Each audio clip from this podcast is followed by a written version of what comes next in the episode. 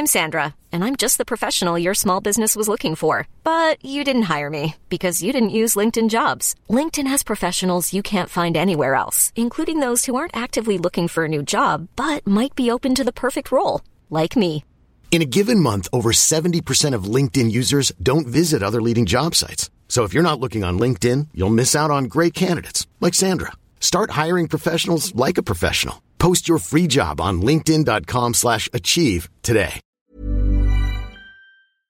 Hans Petter og Co. presenteres av Adlink, sannsynligvis Norges beste samling av kreative og positive influensere innen sosiale medier og podkast. Gå inn på adlink.no for å finne frem til den influenseren eller den podkasten som er en perfekt match til din merkevare og publikum nå.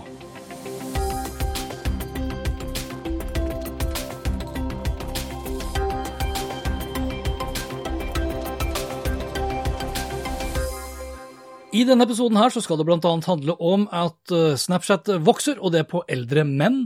De fleste av oss eh, trives tilsynelatende fortsatt eh, på våre hjemmekontorer. 30% av produktene solgt i nettbutikker som selger fritidsprodukter, er forbudte varer, og nå er Amazon like rundt hjørnet. Velkommen til Hans Petter og co. Jeg heter Hans Petter, og denne episoden ble spilt inn tirsdag 5. mai. Lenker til alt jeg har snakket om, og øvrige innslag finner du som alltid på hanspetter.info. For kort tid siden så skrev jeg på hanspetter.info at de fleste av oss eh, liker å jobbe hjemme, og at kun fire av ti savner å være sammen med kollegaene sine. Det kom frem i en fersk undersøkelse Yougov hadde gjennomført på oppdrag fra forsikringsselskapet If. Et eh, representativt utvalg på 1010 personer over 18 år hadde deltatt. If hadde derimot valgt en helt annen vinkling på de samme tallene, og fokuserte saken inn mot at fire av ti savnet kollegaene sine. Fortsatt et mindretall, skal vi tro det representative utvalget. Det er derimot ikke tilfellet hos Rambøll, en global samfunnsrådgiver innen bygg, arkitektur, transport, energi, vann, miljø og helse, olje og gass og management consulting, så det som pent heter. Selskapet består av 1400 medarbeidere fordelt på 20 kontorer i Norge. I deres pressemelding, knappe uken etter at If hadde lagt ut sin undersøkelse, så kom det frem at hele 91% av de ansatte i Rambøll savna kollegaene, og at seks av ti savnet fysiske møter, og vel halvparten savna kantina.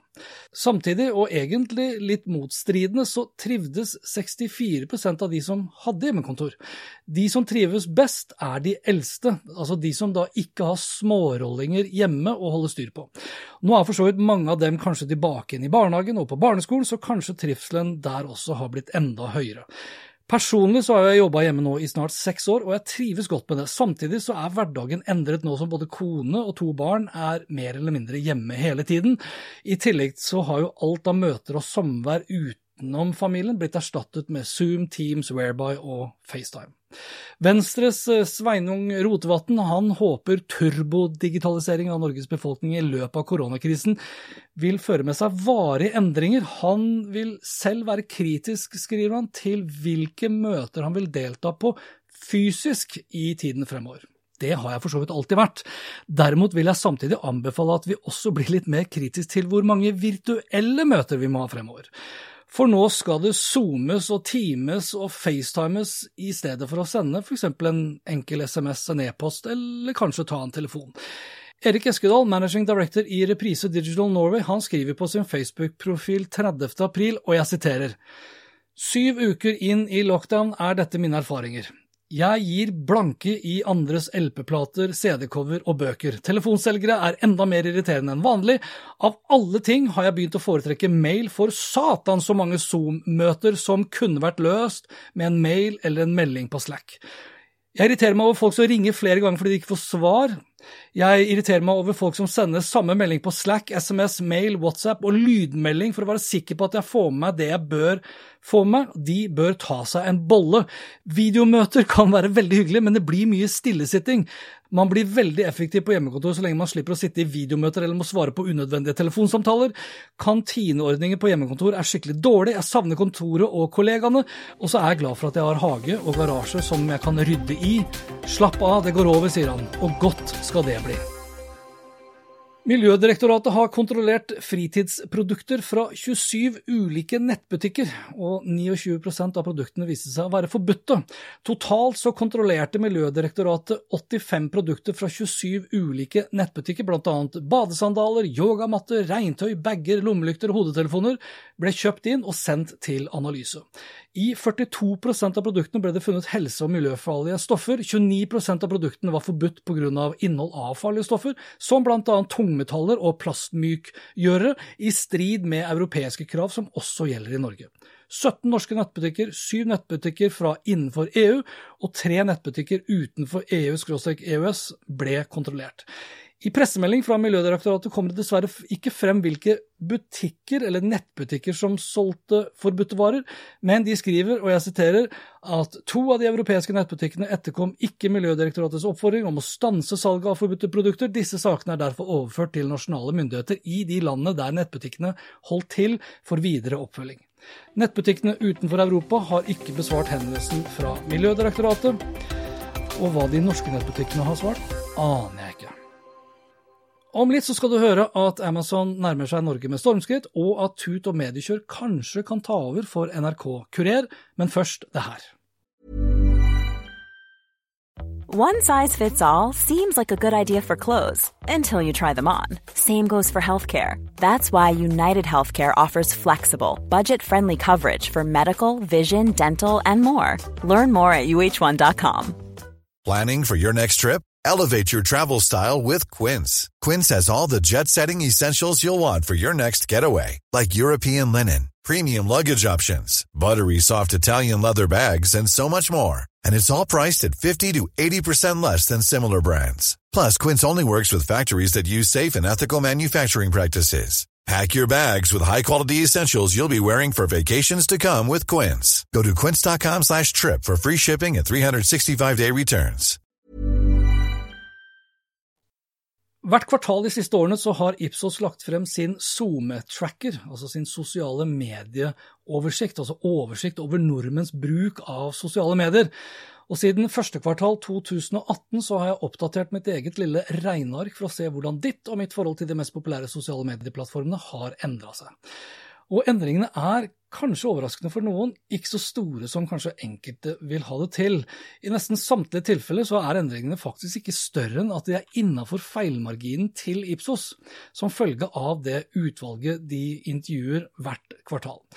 Tar man hensikt til feilmarginen til Ipsos, så er det faktisk kun Instagram som har endret seg signifikant, med 13% vekst fra første kvartal 2018 til første kvartal 2020, eller til og med første kvartal 2020.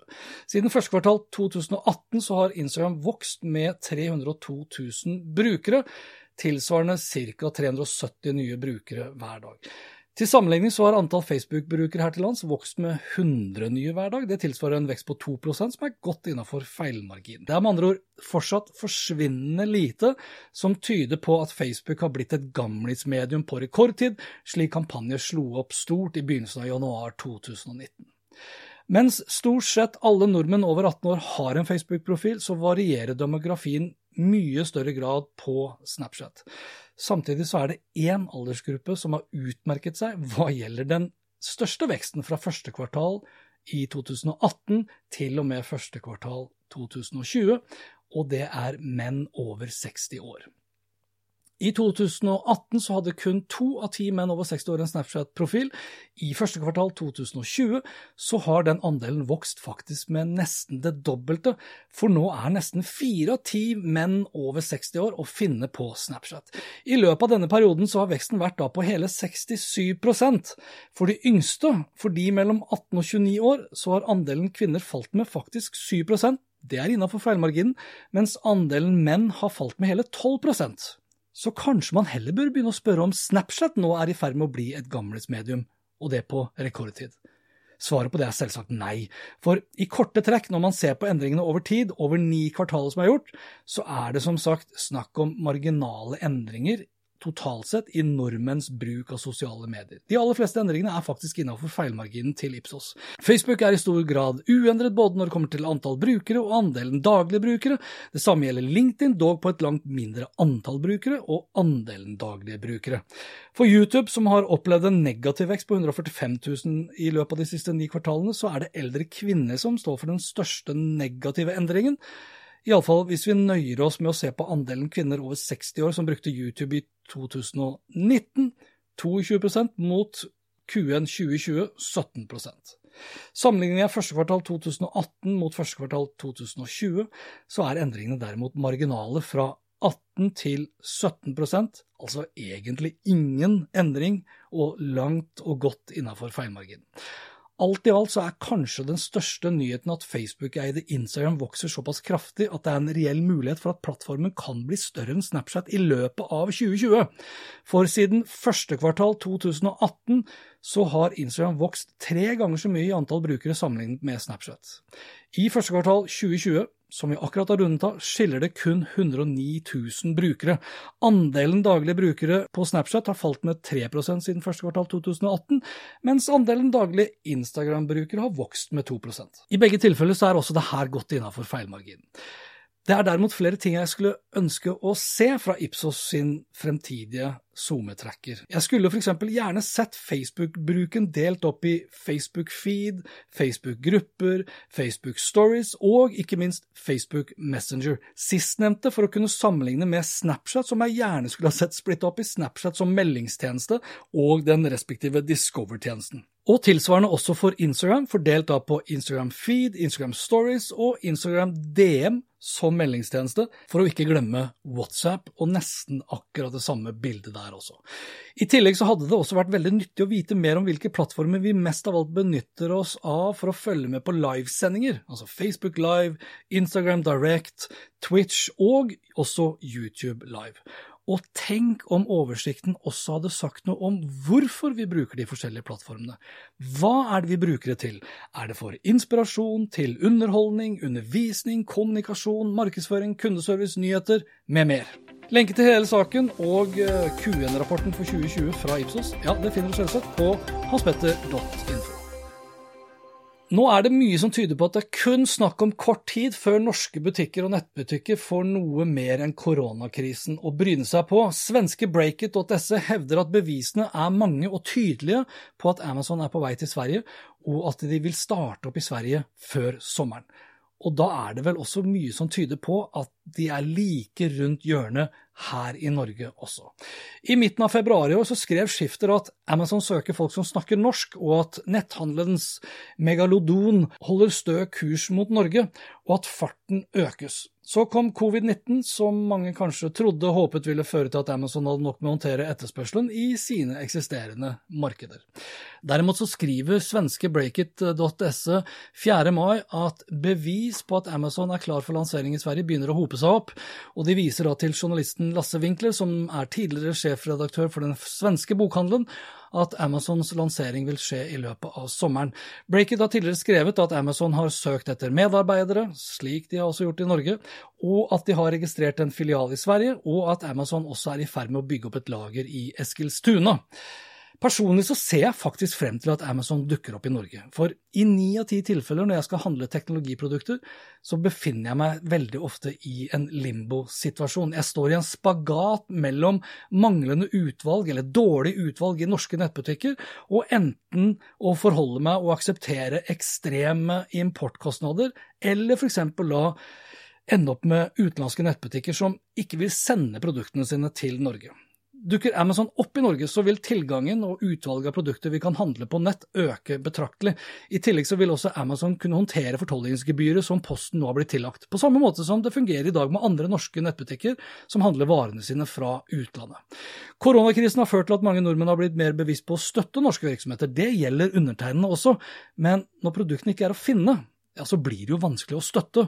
Og når jeg stadig oftere ikke finner det jeg er på jakt etter hos norske butikker og nettbutikker, Altså kan jeg ikke annet enn å glede meg til at Amazon dukker opp.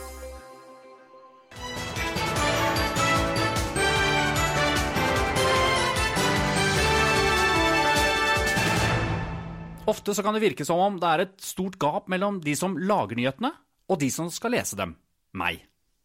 Jeg skjønner f.eks. ikke hvorfor pressen anonymiserer den såkalte kulturprofilen. Han står jo nå tiltalt for voldtekt. Mens den korrupsjonstiltalte politimannen Eirik Jensen han er over alle forsidene med bilde og alt eh, mange måneder i forkant av dommen. Hva styrer de redaksjonelle avgjørelsene? For kort tid siden så snakket jeg om min store kjærlighet til NRK Kurer, som nå dessverre er historie. Kurer var, synes jeg, Norges beste podkaster om medier og mediebransjen, men eh, etter 600 episoder så var det altså slutt. Men nå har vi kanskje fått oss en verdig arvtaker, og det i form av podkasten Tut og mediekjør. Kun én episode som ligger ute når jeg spiller inn det her, men den episoden lover veldig godt. På Facebook-gruppen Tut og mediekjør heter det at dette er en podkast for folk som leser, ser og hører nyheter, og som lurer på hvordan de samme nyhetene blir til. Er det bare tut og kjør, eller ligger det gode etiske vurderinger bak hver sak som publiseres? Hver uke skal Tut og mediekjør ta opp uh, aktuelle saker og snakke om de tingene som de tror helt vanlige folk lurer på og bak denne podkasten så står ingen hvem som helst. Christian Marstrander er en av tre. Han har bakgrunn fra NRK Radio og driver i dag Lyder Produksjoner. Han eh, presenterer saker fra ukens mediebilde som han eller publikum ønsker å diskutere, altså vi kan komme med innspill. Utover det så er Eva Sandum en av de faste eh, programlederne. Hun har bakgrunn fra reklame- og kommunikasjonsbransjen. Jeg har tidligere faktisk vært kollega med henne i Gelman Kise. Hun har sittet 14 år i pressens eh, faglige utvalg, og var i fjor medlem av Presseforbundets kildeutvalg, som leverte en rapport om medienes omgang med kilder. Og til slutt, og ikke minst, Svein Tore Bergestuen, tidligere gjest i Mediapuls, som har bakgrunn som journalist, redaktør og programleder fra mediebransjen, og senere som forfatter og kommunikasjonsrådgiver og også som podkaster. Så det her lover svært godt. Tut og mediekjør finner du på en podkastspiller nær deg, og lenke til Facebook-gruppen ja, det finner du selvsagt på hanspetter.info. Og det var det for eh, denne gang. Lenker til alt jeg har snakket om og øvrige innslag ja, det finner du selvsagt på hanspetter.info. Sagt det mange ganger. Likte du det du hørte og vil forsikre deg om at du får med deg de neste episodene, ja, da kan du bl.a. abonnere på Hans Petter og Co. på Apple Podcaster. Ellers er podkasten også tilgjengelig på Spotify, Acast, Google Podcast, Overcast og TuneIn Radio for å nevne noen. Inntil neste gang, vær nysgjerrig, for det er den beste måten å møte vår digitale fremtid på. Hans Petter og Co. presenteres av Adlink, sannsynligvis Norges beste samling av kreative og positive influensere innen sosiale medier og podkast. Gå inn på adlink.no for å finne frem til den influenseren eller den podkasten som er en perfekt match til din merkevare og publikum nå. Even on a budget, quality is non-negotiable. That's why Quince is the place to score high-end essentials at 50 to 80% less than similar brands. Get your hands on buttery soft cashmere sweaters from just 60 bucks, Italian leather jackets, and so much more. And the best part about Quince, they exclusively partner with factories committed to safe, ethical, and responsible manufacturing. Elevate your style without the elevated price tag with Quince. Go to quince.com slash upgrade for free shipping and 365-day returns. My business used to be weighed down by the complexities of in person payments. Then, Tap to Pay on iPhone and Stripe came along and changed everything. With Tap to Pay on iPhone and Stripe, I streamlined my payment process effortlessly. Now I can accept in person, contactless payments right from my iPhone. No extra hardware required. What's truly remarkable is how I can cater to all of my customers' payment preferences. Whether they're using cards, Apple Pay, or other digital wallets, Tap to Pay on iPhone and Stripe ensure a smooth checkout experience every time.